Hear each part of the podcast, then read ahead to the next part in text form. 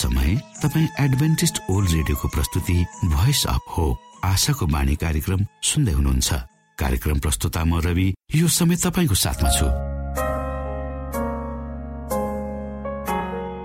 मानिस जातिमा देखाइएको परमेश्वरको प्रेम र अनुग्रह तपाईँसँग बाँड्ने उद्देश्यले प्रस्तुत कार्यक्रम तपाईँको आफ्नो प्रिय कार्यक्रम आशाको बाणीमा यहाँलाई हामी न्यानो स्वागत गर्दछौँ। आशाको बाणीको आजको प्रस्तुतिबाट पनि तपाईँले परमेश्वरसँग नजिक रहेको अनुभूति गर्नुहुनेछ भनेर हामी आशा राख्दछौ। आउनु श्रोता यो मधुर भजनसँगै हामी हाम्रो मुख्य कार्यक्रमतर्फ लागौ।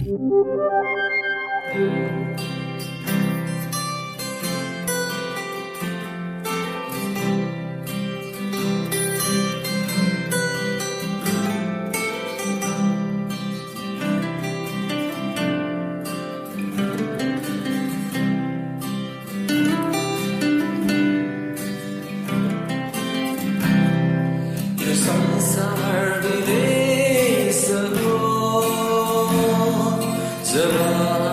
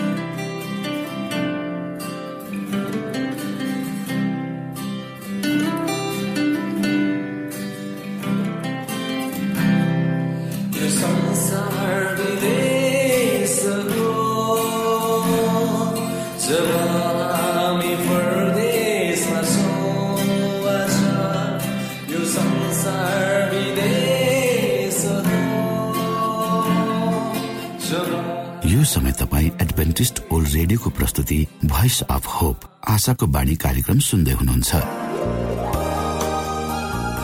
तपाईँ आशाको बाणी कार्यक्रम सुन्दै हुनुहुन्छ। हामी आशा गर्दछौ कि तपाईँले हाम्रा कार्यक्रमहरू सुनेर आनन्द लिनु भएको छ। यदि तपाईँ हाम्रो तर्फबाट सानो उपहार प्राप्त गर्न चाहनुहुन्छ भने कृपया गरेर हामीलाई Bible at the rate AWR dot ओआरजीमा लेखी पठाउन सक्नुहुनेछ। अथवा हाम्रो वाट्सएप नम्बर प्लस एक दुई दुई चार दुई दुई दुई जिरो सात सात सातमा फोन गरेर सम्पर्क गर्न सक्नुहुनेछ। श्रोता मित्र यो समय हामी पास्टर उमेश पोखरेलबाट आजको बाइबल सन्देश सुन्नेछौ। श्रोता साथी न्यानो अभिवादन साथ म तपाईँको आफ्नै आफन्त अर्थात् पास्टर उमेश पोखरेल परमेश्वरको वचन लिएर यो रेडियो कार्यक्रम मार्फत तपाईँहरूको बीचमा पुनः उपस्थित भएको छु। मलाई आशा छ श्रोता तपाईँले हाम्रा कार्यक्रमहरूलाई नियमित रूपमा सुन्दै हुनुहुन्छ। र परमेश्वरका प्रशस्त आशिषहरू प्राप्त गर्दै हुनुहुन्छ। श्रोता आउनुहोस् तपाईँ हामी केही समय सँगसँगै परमेश्वरसँग बिताउँ र परमेश्वर को हुँदो रहेछ भनेर आफ्नो जीवनमा आफै अनुभव गरौँ। श्रोता आजको प्रस्तुतिलाई पस्कनुभन्दा पहिले आउनुहोस् म परमेश्वरमा अगुवाईको लागि बिन्ती राख्नेछु जीवित जिउँदो महान दयालु परमेश्वर प्रभु हामी धन्यवादी छौँ। यो जीवन र जीवनमा दिनुभएका प्रशस्त आशिषहरूलाई। प्रभु यो रेडियो कार्यक्रमलाई म तपाईँको चरणमा राख्दछु। यसलाई तपाईँको राज्य र महिमाको प्रचारको खातिर यो देश र सारा संसारमा तपाईँले पुर्याउनुहोस्। ताकि धेरै मानिसहरू जो अन्धकारमा हुनुहुन्छ उहाँहरूले तपाईँको ज्योतिलाई देख्न सक्नुहोस्। सबै बिन्ती प्रभु यीशुको नाम आमेन।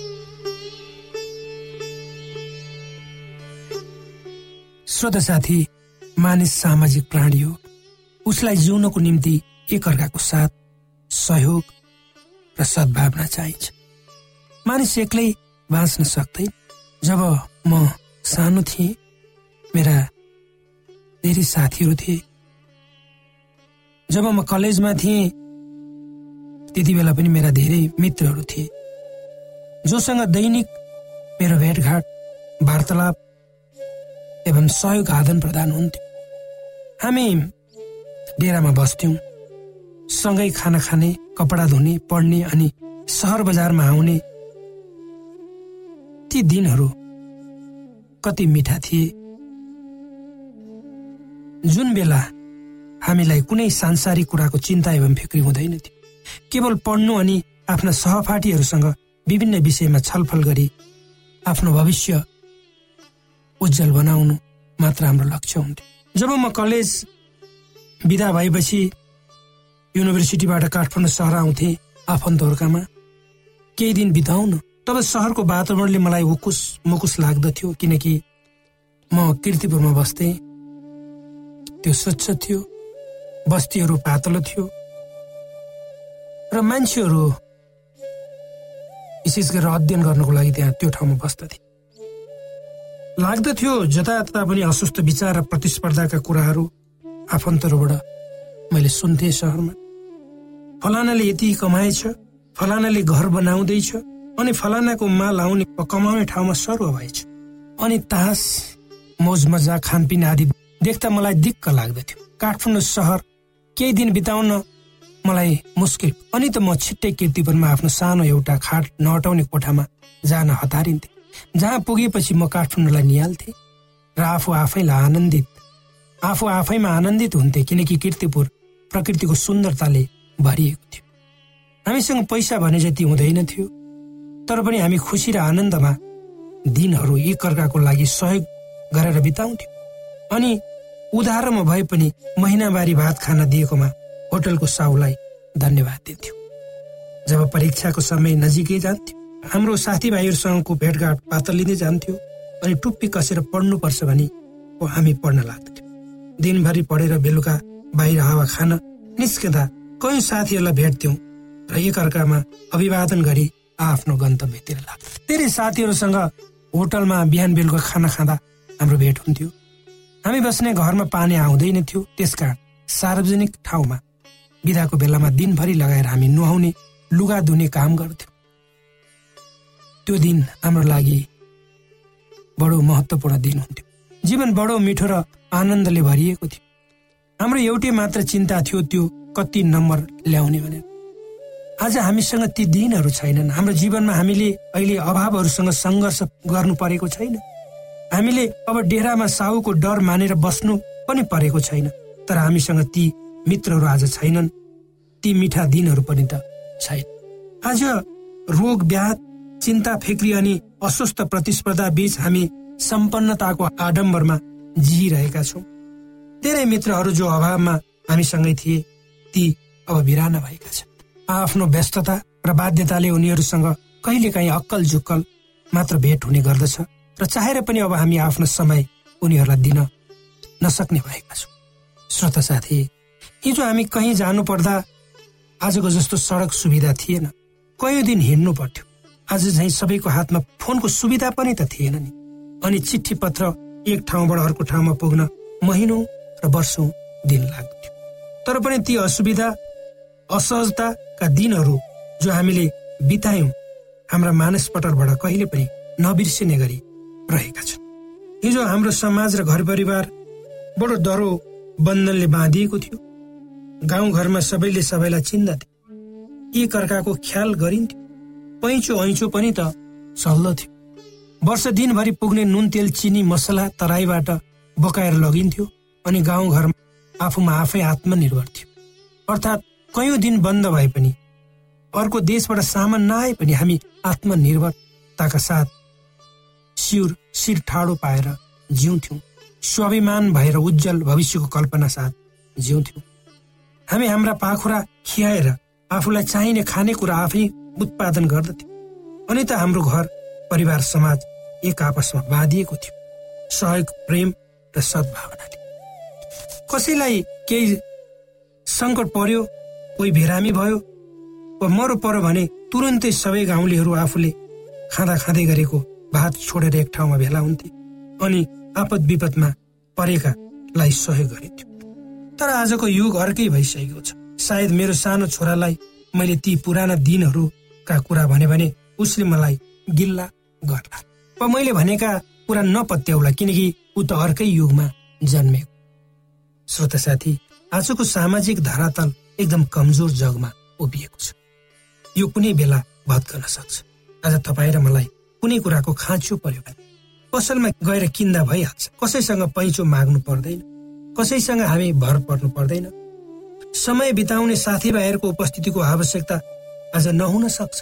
किनकि आज त तपाईँ हाम्रो मानवीय सम्बन्धलाई फेसबुक इमेल जस्ता सामाजिक सञ्जालहरूले मारिसकेका छन्। भन्दा अर्को अर्थ अब त कम्प्युटर वा मोबाइलमा मात्रै मानिसले संसार पाउन थालेको छ। यसको राम्रो पक्ष हुँदा हुँदै नराम्रो पक्षमा हामी धेरै अगाडि बढेको जस्तो देखिन्छ। त्यसैले त अब हामी आफ्नो परिवारसँग समय बिताउनु भन्दा बेसी कम्प्युटरमा वा मोबाइलमा समय बिताउँछौँ। फेसबुक ट्विटर इमेल र अरू सामाजिक सञ्जालमा आफूलाई लिप्त पार्दछौँ। हामी आफ्नै घरमा आफ्नै छोराछोरी र श्रीमान श्रीमतीसँग प्रत्यक्ष कुराकानी गर्नुभन्दा कम्प्युटरमा च्याट गर्न रुचाउँछौँ। यसले हाम्रो मानवीय वा भावनात्मक एकतामा दरार ल्याएको पाइन्छ। हामी एउटै घरमा बस्छौँ तर पनि हामीसँग त्यो सम्बन्ध हुँदैन। मानिसलाई मानिसको साथ चाहिन्छ। उसलाई मानिसको स्पर्श चाहिन्छ। अनि मानिसले मानिससँग समय बिताउनु पर्छ त्यो प्राकृतिक नियम र स्वभाव पनि त हो। तर यो यो भयो भने त्यो सन्तुलित हुन्छ। तर मानिससँग आज सबै कुरा छ। भौतिक रूपमा तर मानवीय सम्बन्ध वा निकटता भने हिजोको तुलनामा आज खस्कँदै गएको छ वा कम हुँदै त्यसैले त आजको समाजमा हामी धेरै विकृतिहरू विसङ्गतिहरू दिनादिन बढ्दै गएको देखिरहेका छौँ र अनुभव पनि गरिरहेका छौँ। श्रोता साथी विशेष गरी जो सहर बजारमा व्यस्त जीवन जिउँछौँ बाँच्नको लागि। जीवन प्रतिस्पर्धात्मक छ समय छैन अनि आवश्यकताहरू दिनानुदिन थपिँदैछ। तर त्यसको तुलनामा हाम्रो आमदानी बढेको पाइन त्यसकारण हाम्रो जीवन असन्तुलित रूपमा जसो तसो असन्तोष चिन्ता र फिक्रीका साथ अगाडि बढिरहेको छ। यसले एक दिन यसले हामीलाई एउटा खाडलमा पुर्याउँछ भनेर नभन्न सकिन्न। जीवन सन्तुलित रूपमा उद्देश्यमूलक ढङ्गले बढ्नुपर्छ। यदि त्यसो भएन भने यसले ल्याउने नकारात्मक प्रभावले हामीलाई ठुलो हानि वा क्षति पुर्याउन सक्छ। श्रोता भर्खरै यहाँले पास्टर उमेश पोखरेलबाट बाइबल वचन सुन्नुभयो। यो समय तपाईँ एडभेन्टिस्ट ओल्ड रेडियोको प्रस्तुति भोइस अफ होप आशाको बाणी कार्यक्रम सुन्दै हुनुहुन्छ। कार्यक्रम सुनेर बस्नुहुने सबै श्रोतालाई हामी हाम्रो कार्यक्रममा स्वागत गर्न चाहन्छौ। श्रोता मित्र यदि तपाईँ जीवनदेखि हरेस खानु भएको छ तपाईँका जीवनमा धेरै अनुत्तरित प्रश्नहरू छन् भने आउनुहोस् हामी तपाईँलाई परमेश्वरको ज्योतिमा डोहोऱ्याउन चाहन्छौँ। र तपाईँ आफ्नो जीवनका चिन्ता फिक्रीबाट निश्चिन्त हुनुहोस् र बाँच्नुको आनन्द परमेश्वरको सामिप्यमा कति मिठो हुन्छ त्यो चाख्नुहोस् भनी हामी चाहन्छौँ। श्रोता यदि तपाईँ आशाको बाणी कार्यक्रमलाई अनलाइन सुन्न चाहनुहुन्छ वा डाउनलोड गर्न चाहनुहुन्छ भने डब्लु डट डट ओआरजीमा जानुहोस्। त्यहाँ तपाईँले प्रत्येक दिनको कार्यक्रम सुन्न र डाउनलोड गर्न सक्नुहुनेछ। हाम्रो वेब पेज यस प्रकार छ W dot AWR dot ORG श्रोता यदि तपाईँ हामीसित सिधै फोनमा सम्पर्क गर्न चाहनुहुन्छ भने हाम्रा नम्बरहरू यस प्रकार छन्। अन्ठानब्बे एकसाठी पचपन्न शून्य एक सय बिस। अन्ठानब्बे एकसाठी पचपन्न शून्य एक सय बिस। र अर्को अन्ठानब्बे अठार त्रिपन्न पन्चानब्बे पचपन्न। अन्ठानब्बे अठार त्रिपन्न पन्चानब्बे पचपन्न।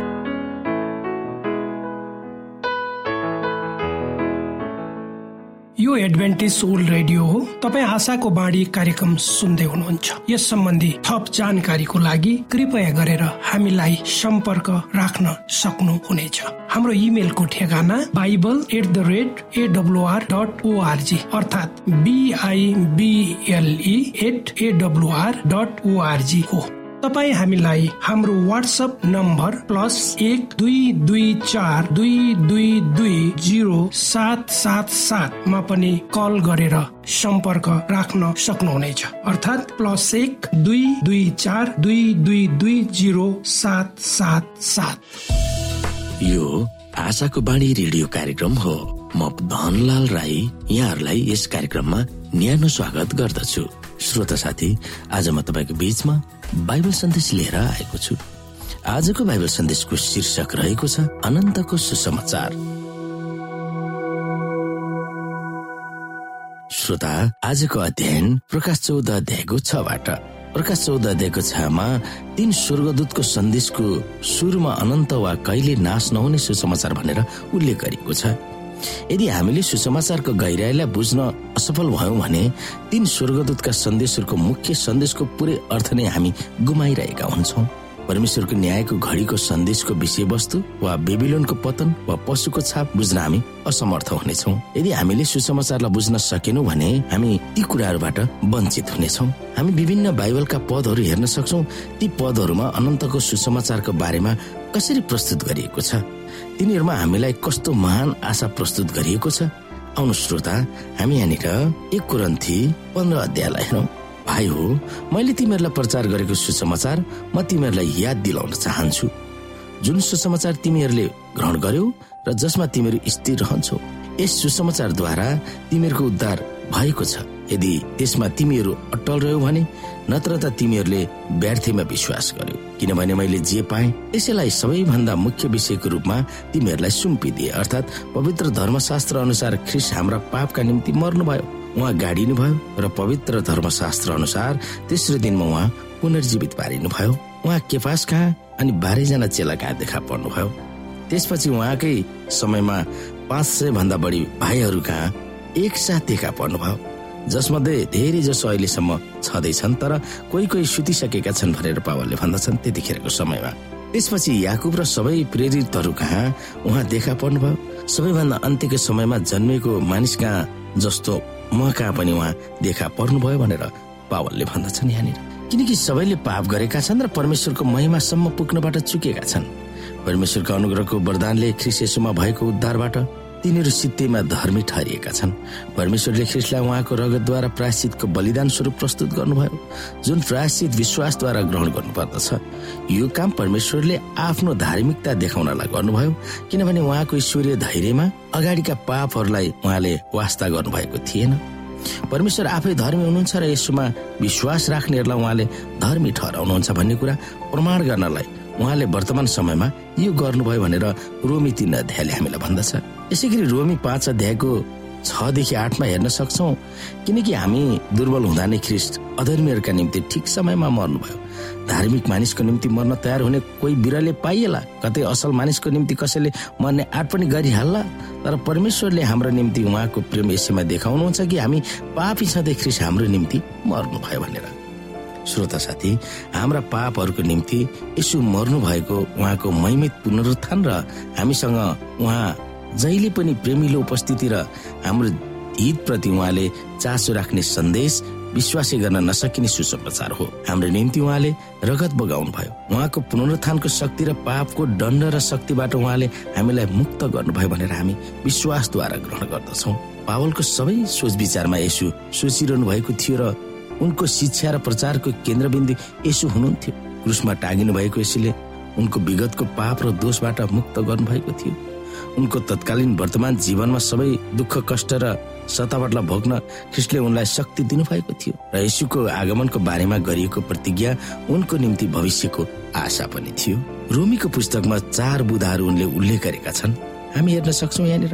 हामी अनुग्रहबाट सित्तैमा निर्दोष ठहरेका छौँ। एक बुधा दुईमा अनुग्रहले परमेश्वरको धार्मिकताको घोषणा गर्दछ र तिनमा जसले यसुलाई विश्वासद्वारा ग्रहण गर्छ उसलाई अनुग्रहले नै निर्दोष ठहर्याउँछ र चारमा हामी पापी खराब अधर्मी र दुष्ट छँदै परमेश्वरले उहाँको प्रेम हामीमा देखाउनु भएको थियो। स्वत साथी ख्रिस्टले हामीलाई दिनुहुने अनुग्रह हाम्रो कुनै पुनित वा धर्म कर्मबाट पाउने भनेको होइन। त्यो पाउन हामी अयोग्य छौ न त हामी आर्जन गर्न नै त्यो सक्दछौ। पापमै डुब्न चाहने पापीहरूको निम्ति स्वेच्छाले यसो पीडादायी कष्टकर मृत्यु सहनु भयो पापीहरूले भोग्नुपर्ने दुःख कष्ट उहाँले भोग्नु भएको थियो। पापको खिलाफमा पिताको पूर्ण क्रोध वा न्याय यसुले अनुभव गर्नुभएको थियो। उहाँलाई मानिसहरूले तिरस्कार गरे ताकि परमेश्वरले हामीहरूलाई स्वीकार गर्न सकुन्। हामीले मर्नुपर्ने मृत्युमा उहाँ मर्नुभयो ताकि उहाँको जीवन हामी जिउन सकौँ भनेर। मुक्ति भनेको विश्वासद्वारा मात्र हो र कुनै पनि व्यवस्था वा धार्मिक विधि विधान वा परम्परा वा आदिहरू पालन गरेर पाइने कुरा होइन। हामी अचम्म मान्नु हुँदैन र त्यो भन्दा बढी उहाँले के थप्न सक्नुहुन्छ र हामीले जुनसुकै असल नियतले धर्म कर्म आदि गरे तापनि हामीले अनन्त जीवन आर्जन गर्न सक्दैनौँ। हामीले जुन असल नियतले काम गरे तापनि जसमा पवित्र आत्माले भरे तापनि क्रुसमा यसुले के गर्नुभयो त्यसमा कसैले केही थप्न सकिन्छ र? अचम्मको कुरा त यो छ कि? मुक्तिको योजना समयको सुरु हुनुभन्दा अघि नै संसार सृष्टि गर्नुभन्दा अघि नै शैतानले विद्रोह गरेर यस पृथ्वीमा झर्नुभन्दा अघि आदम र हवाले पाप गर्नुभन्दा अघि यो मुक्तिको योजना तर्जुमा गरिएको थियो। त्यसैले गर्दा यो सुसमाचार अनन्तको भनेर हामीलाई बुझाउन मद्दत गर्दछ। संसार सृष्टि गर्नुभन्दा पहिले परमेश्वरलाई थाहा थियो कि यस जगतमा के हुनेछ भनेर। त्यसै कारण उहाँले मुक्तिको योजना स्थापना गर्नुभएको थियो ताकि जब सङ्कट आउँछ वा आउनेछ त्यसको सामना गर्न हामी सकियोस्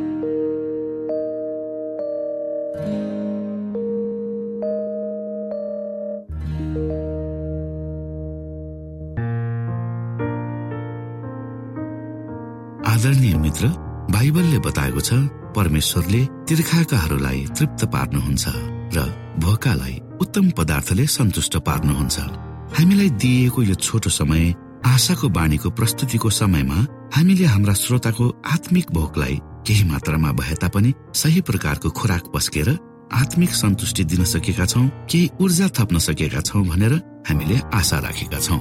आफ्ना मनमा भएका केही दुविधा र शङ्काहरू छन् भने अवश्य हामीसँग बाँडेर शङ्काको निवारण गर्नुहुनेछ र सही प्रकारको बाटो पहिल्याउन सक्नुहुनेछ परमेश्वरको सच्चाइले अझ राम्रो बुझ्न सक्नुहुनेछ र आफ्नो जीवनलाई परमेश्वरमा पूर्ण समर्पित भएर समर्पण सहितको जीवन बिताउन सक्नुहुनेछ भनेर आशा राख्दै अब हामी हाम्रो कार्यक्रम सकिएको जानकारी यहाँलाई गराउन चाहन्छौ। जानुभन्दा अगाडि श्रोता हामी यहाँलाई हाम्रो ठेगानाको विषयमा जानकारी गरौँ। हामीसँग पत्राचार गर्ने हाम्रो ठेगाना यस प्रकार छ। आशाको बाणी पोस्ट बक्स नम्बर दुई शून्य शून्य शून्य दुई काठमाडौँ नेपाल। आशाको बाणी पोस्ट बक्स नम्बर दुई शून्य शून्य शून्य दुई काठमाडौँ नेपाल। यसै गरी श्रोता यदि तपाईँ हामीसँग सिधै कुराकानी गर्न चाहनुहुन्छ भने हाम्रो फोन नम्बर यस प्रकार छ। अन्ठानब्बे एकसाठी पचपन्न शून्य एक सय बिस। अन्ठानब्बे एकसाठी पचपन्न शून्य एक सय बिस र अर्को अन्ठानब्बे अठार त्रिपन्न पन्चानब्बे पचपन्न। अन्ठानब्बे अठार त्रिपन्न पन्चानब्बे पचपन्न। हामीलाई इमेल पनि गर्न सक्नुहुन्छ। हाम्रो इमेल एड्रेस यस प्रकार छ Nepal at AWR dot ORG Nepal at AWR dot ORG यदि तपाईँ हामीलाई अनलाइन सुन्न चाहनुहुन्छ वा डाउनलोड गर्न चाहनुहुन्छ भने तपाईँ डब्लु डट एडब्लुआर डट ओआरजीमा जानुहोस् र त्यहाँ तपाईँले हाम्रा सबै कार्यक्रमहरू सुन्न सक्नुहुनेछ। हाम्रो वेब पेज यस प्रकार छ W dot AWR dot ORG श्रोता यसमा गएर तपाईँले हाम्रा दैनिक कार्यक्रमलाई सुन्न सक्नुहुनेछ र डाउनलोड पनि गर्न सक्नुहुनेछ। हवस् त श्रोता हाम्रो कार्यक्रम सुनिदिनु भएकोमा एकचोटि फेरि यहाँलाई धन्यवाद दिँदै भोलि फेरि यही स्टेशन यही समयमा यहाँसँग भेट्ने आशा राख्दै प्राविधिक साथी राजेश पास्टर उमेश पोखरेल र कार्यक्रम प्रस्तुता म रवि यहाँसँग विदा माग्दछौ। परमेश्वरले तपाईँलाई धेरै धेरै आशिष दिनु भएको होस्। नमस्कार।